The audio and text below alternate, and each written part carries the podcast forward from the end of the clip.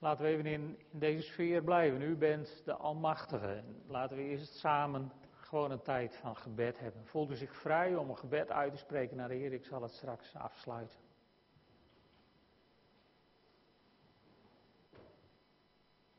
God, u bent de Almachtige en de Waarachtige. Alles in al, het centrum van ons leven. Heer, en zo willen we, ja, zo vieren we deze ochtend, vieren we dat ook. Heer, met, met prachtige liederen, tot eer van uw naam. En zo willen we ook ons openen voor uw woord. Heere God, ik dank u wel voor uw grootheid, voor uw goedheid, voor uw grenzeloze genade. In de naam van Jezus. Amen.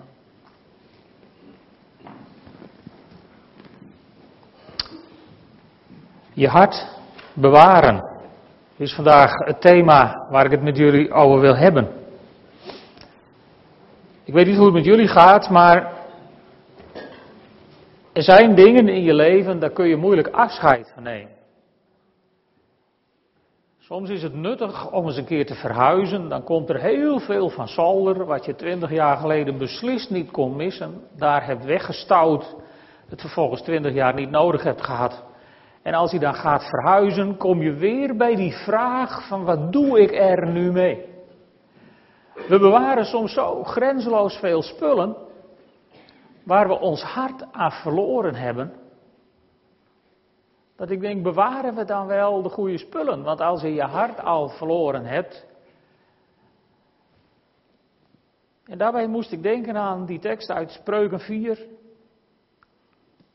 Bewaar je hart boven alles wat te bewaren is. Maar als je je hart ergens aan verloren hebt, omdat je het niet kunt missen, heb je dus de verkeerde keuzes al gemaakt. En wat gaat dat gauw in ons leven? En daar wil ik het vanmorgen met jullie over hebben. Je hart bewaren. Ik lees met jullie uit Spreuken 4, vers 20 tot 27.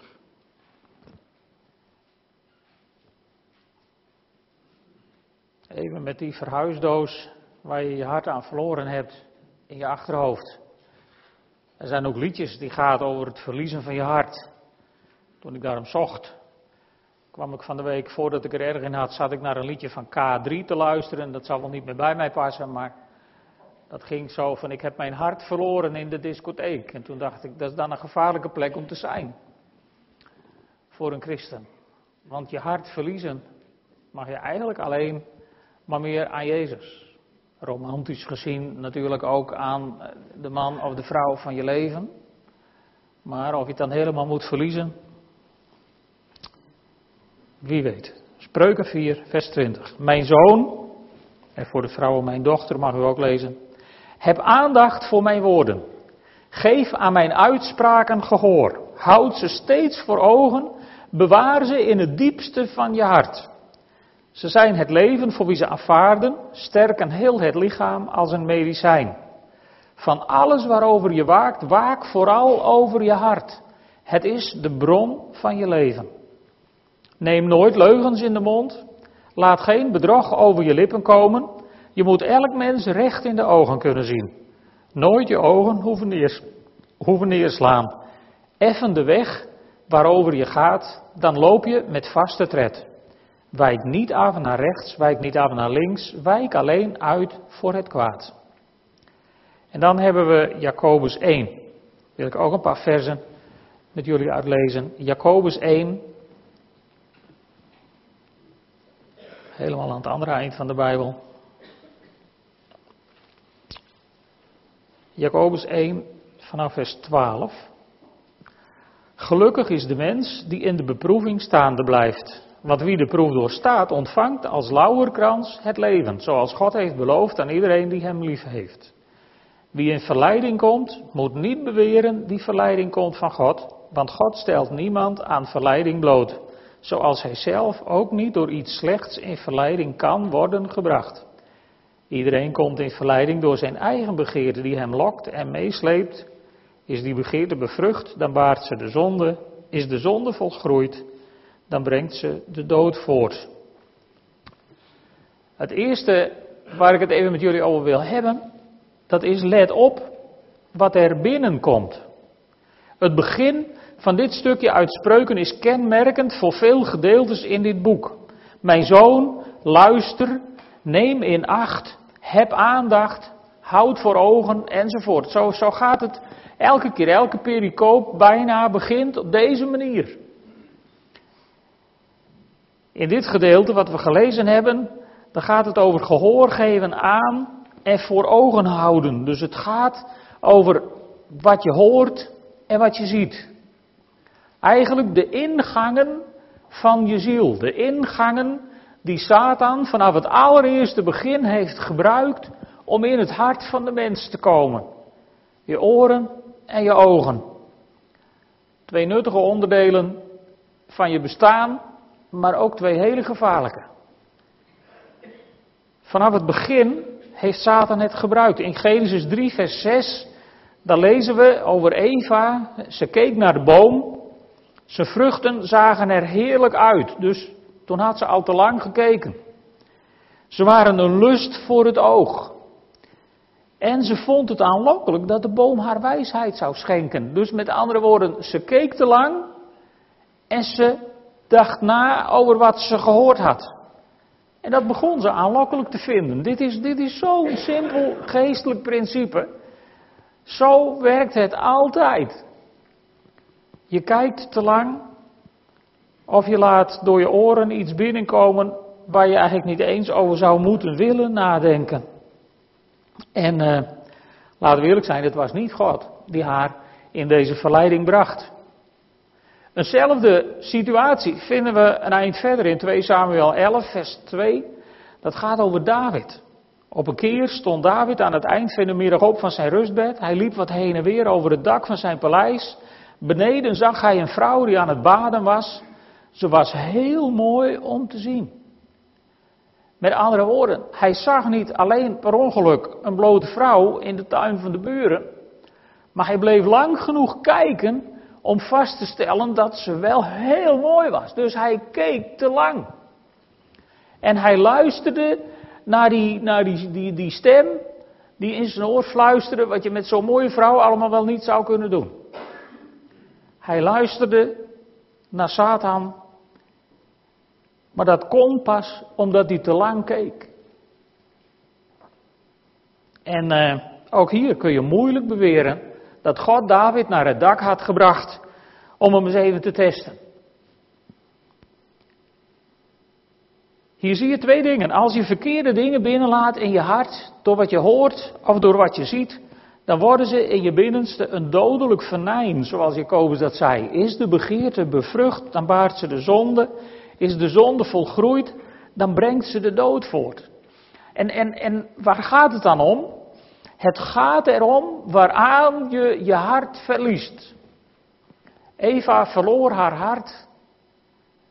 Ja, niet aan een appel, dat zou wat te makkelijk zijn. Maar Eva verloor haar hart aan het idee dat ze gelijk zou kunnen worden aan God.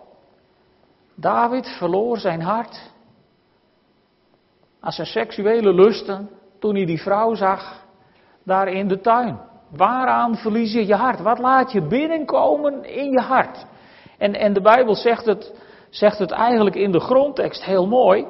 Want in het Hebreeuws, daar staat, daar staat eigenlijk niet zozeer het diepste van je hart. Ja, dat is wel een mooie vertaling, maar letterlijk staat er het centrum van je hart. Het middelpunt van je hart. Wat is er op dit moment in het middelpunt van uw hart? Dat zou een leuke vraag zijn om zo over na te denken. Wat is er in het midden van jouw hart? Wat beheerst op dit moment je leven? Of je gedachten? Waar draait het om? In je leven, daar gaat het om. Het midden van je hart. En spreuken roept ons op om te luisteren naar de woorden van Vader. En ze voor ogen te houden en ze te bewaren in dat centrum van ons hart. Want als het woord van God daar is, is er geen plek voor iets anders. Dus, dus het is helemaal niet zo moeilijk. Nee, het is helemaal niet zo moeilijk.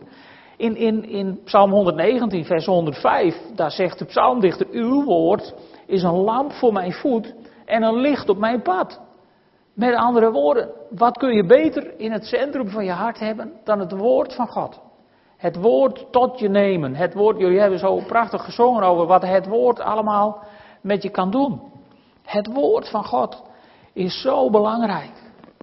En het gaat er dus om dat je je hart bewaart boven alles wat te bewaren is. Dat je oplet wat er binnenkomt en dat je de bron van je leven, het hart is de bron van je leven, zegt Spreuken 4, vers 23. Dat je de bron van je leven niet laat vergiftigen. Want een giftige bron is dodelijk drinken. En dat is heel belangrijk dat we daarop letten.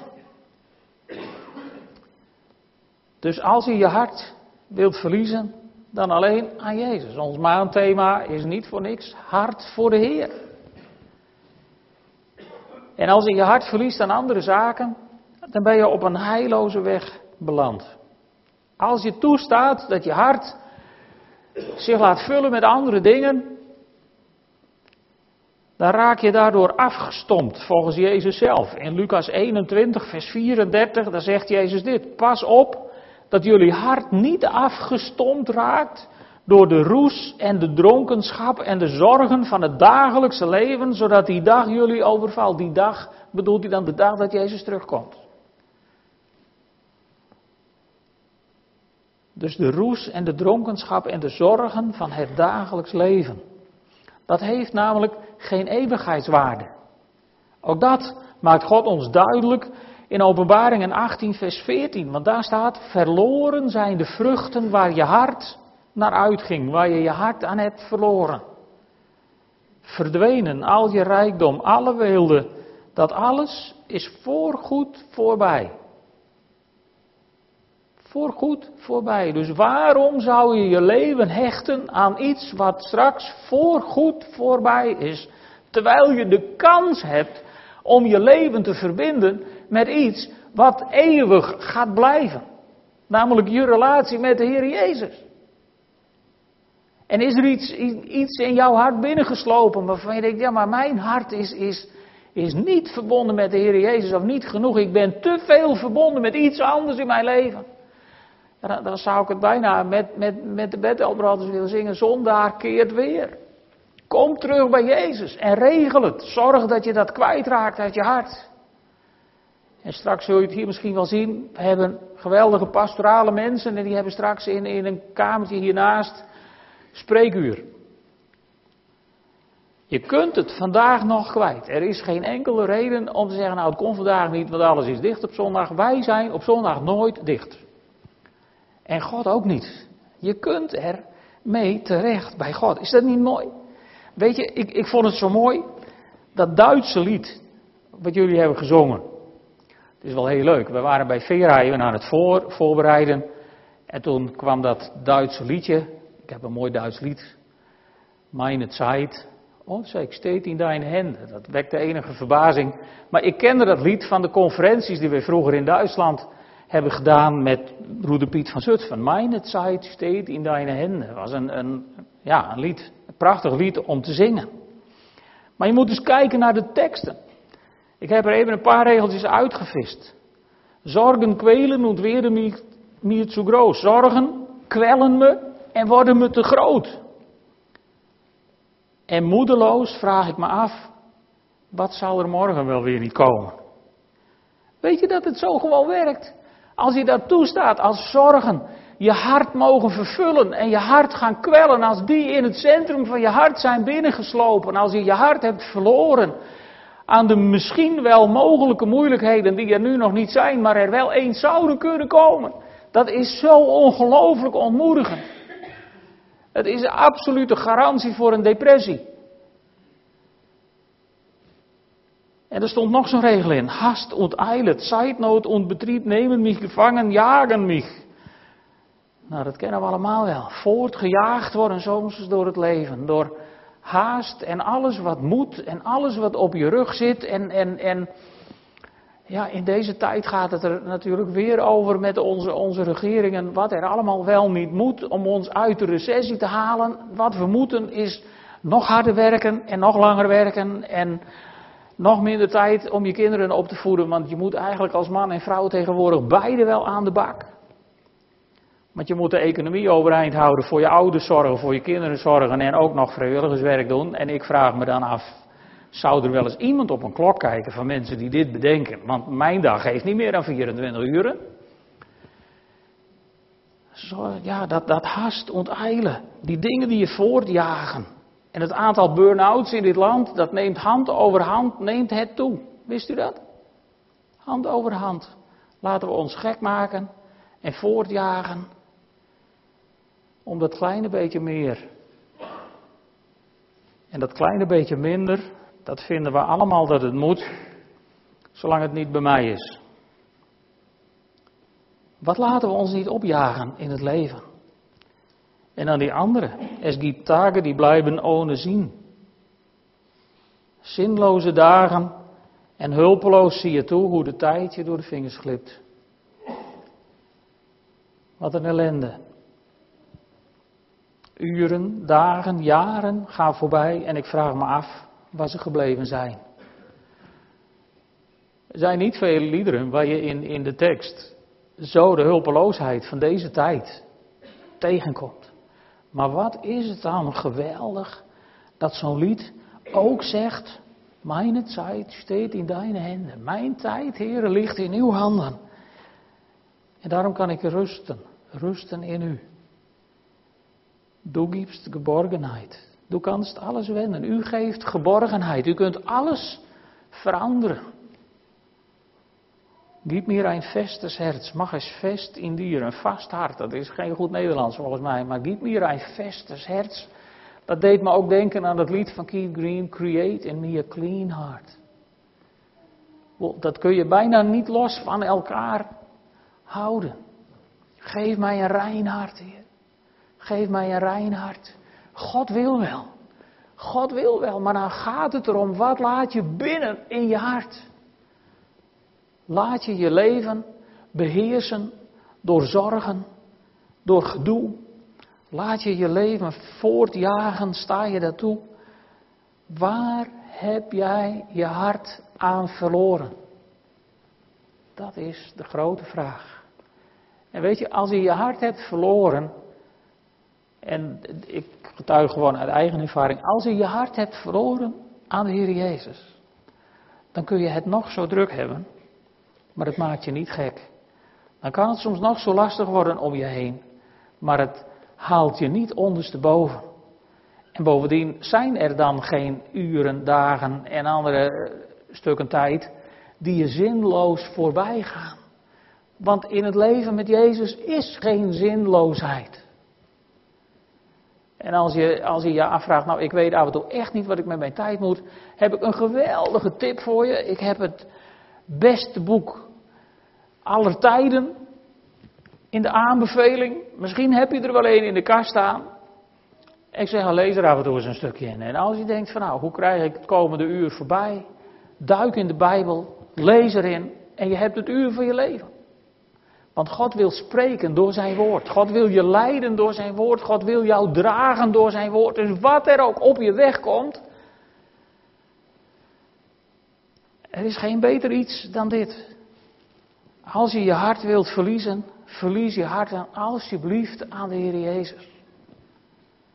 Dan hou je het tenminste gezond. Want weet je, als je het advies van spreuken volgt, dan zal dat zijn als een medicijn voor je lichaam, zegt de NBV. De herziene statenvertaling noemt het genezing voor heel hun vlees. En de NBG, die heeft het over genezing voor hun ganse lichaam. En ze hebben volgens mij alle drie gelijk. En dat betekent dat het kennelijk erg gezond is om je aan Gods woord te houden. Zowel geestelijk, psychisch als lichamelijk. Erg gezond om je aan het woord van God te houden. In Matthäus 13, vers 14, daar citeert Jezus een prachtige profetie uit Jesaja 6. In hen komt deze profetie van Jesaja tot vervulling, zegt Jezus. Jullie zullen goed luisteren, maar niets begrijpen. Jullie zullen goed kijken, maar geen inzicht hebben. Want het hart van dit volk is afgestompt. Snap je hem nog? Afgestompt door de roes en de dronkenschap en de zorgen van het dagelijks leven. Als hij dat toelaat, dan zul je zien en niets, of dan zul je luisteren en niets begrijpen. Je zult kijken en geen inzicht hebben. Want het hart van dit volk is afgestompt, hun oren zijn doof en hun ogen houden zij gesloten. Maar let eens op wat Jezus zegt, met hun ogen willen ze niets zien, met hun ogen niets horen, met hun hart niets begrijpen. Met andere woorden, het is niet omdat de oogjes het niet doen, het is ook niet omdat de oortjes het niet doen, het is ook niet omdat het hart niet wil, maar het is omdat jij niet wilt. Of omdat die mensen niet wilden. Heel helder. En, en, en nou, dit bedoel ik niet om je in de beklaagde bank te zetten. Ik bedoel dit eigenlijk om je te bemoedigen. Want, want de enige wat je dus hoeft te doen, je hoeft niet naar de oogarts om nieuwe ogen, je hoeft niet naar de KNO-arts om nieuwe oren, je hoeft niet naar de cardioloog om een nieuw hart. Je hoeft alleen maar voor God te gaan staan en zeggen, ja, ik wil. Goedkoper kun je het toch bijna niet maken, nou wel. Zo gemakkelijk is het. En als je dat doet, dan zegt Jezus, want als ze zouden willen, hè, maar anders, zouden ze tot inkeer komen en zou ik hen genezen. Man, wat een belofte. Als je bij Jezus komt, zegt Jezus, dan ga ik je genezen. En laten we nou niet in die discussie vallen over, over al die dingen die, die je kunt aanwijzen waarin mensen misschien niet zijn genezen. Want dan ga ik je als antwoord geven dat ik zoveel mensen heb gezien, zo langzamerhand, die niet zijn genezen, maar een bovennatuurlijke kracht hebben ontvangen om met, om te gaan met de dingen waar ze moesten mee omgaan. Dat ik denk van ik weet niet welk wonder groter is.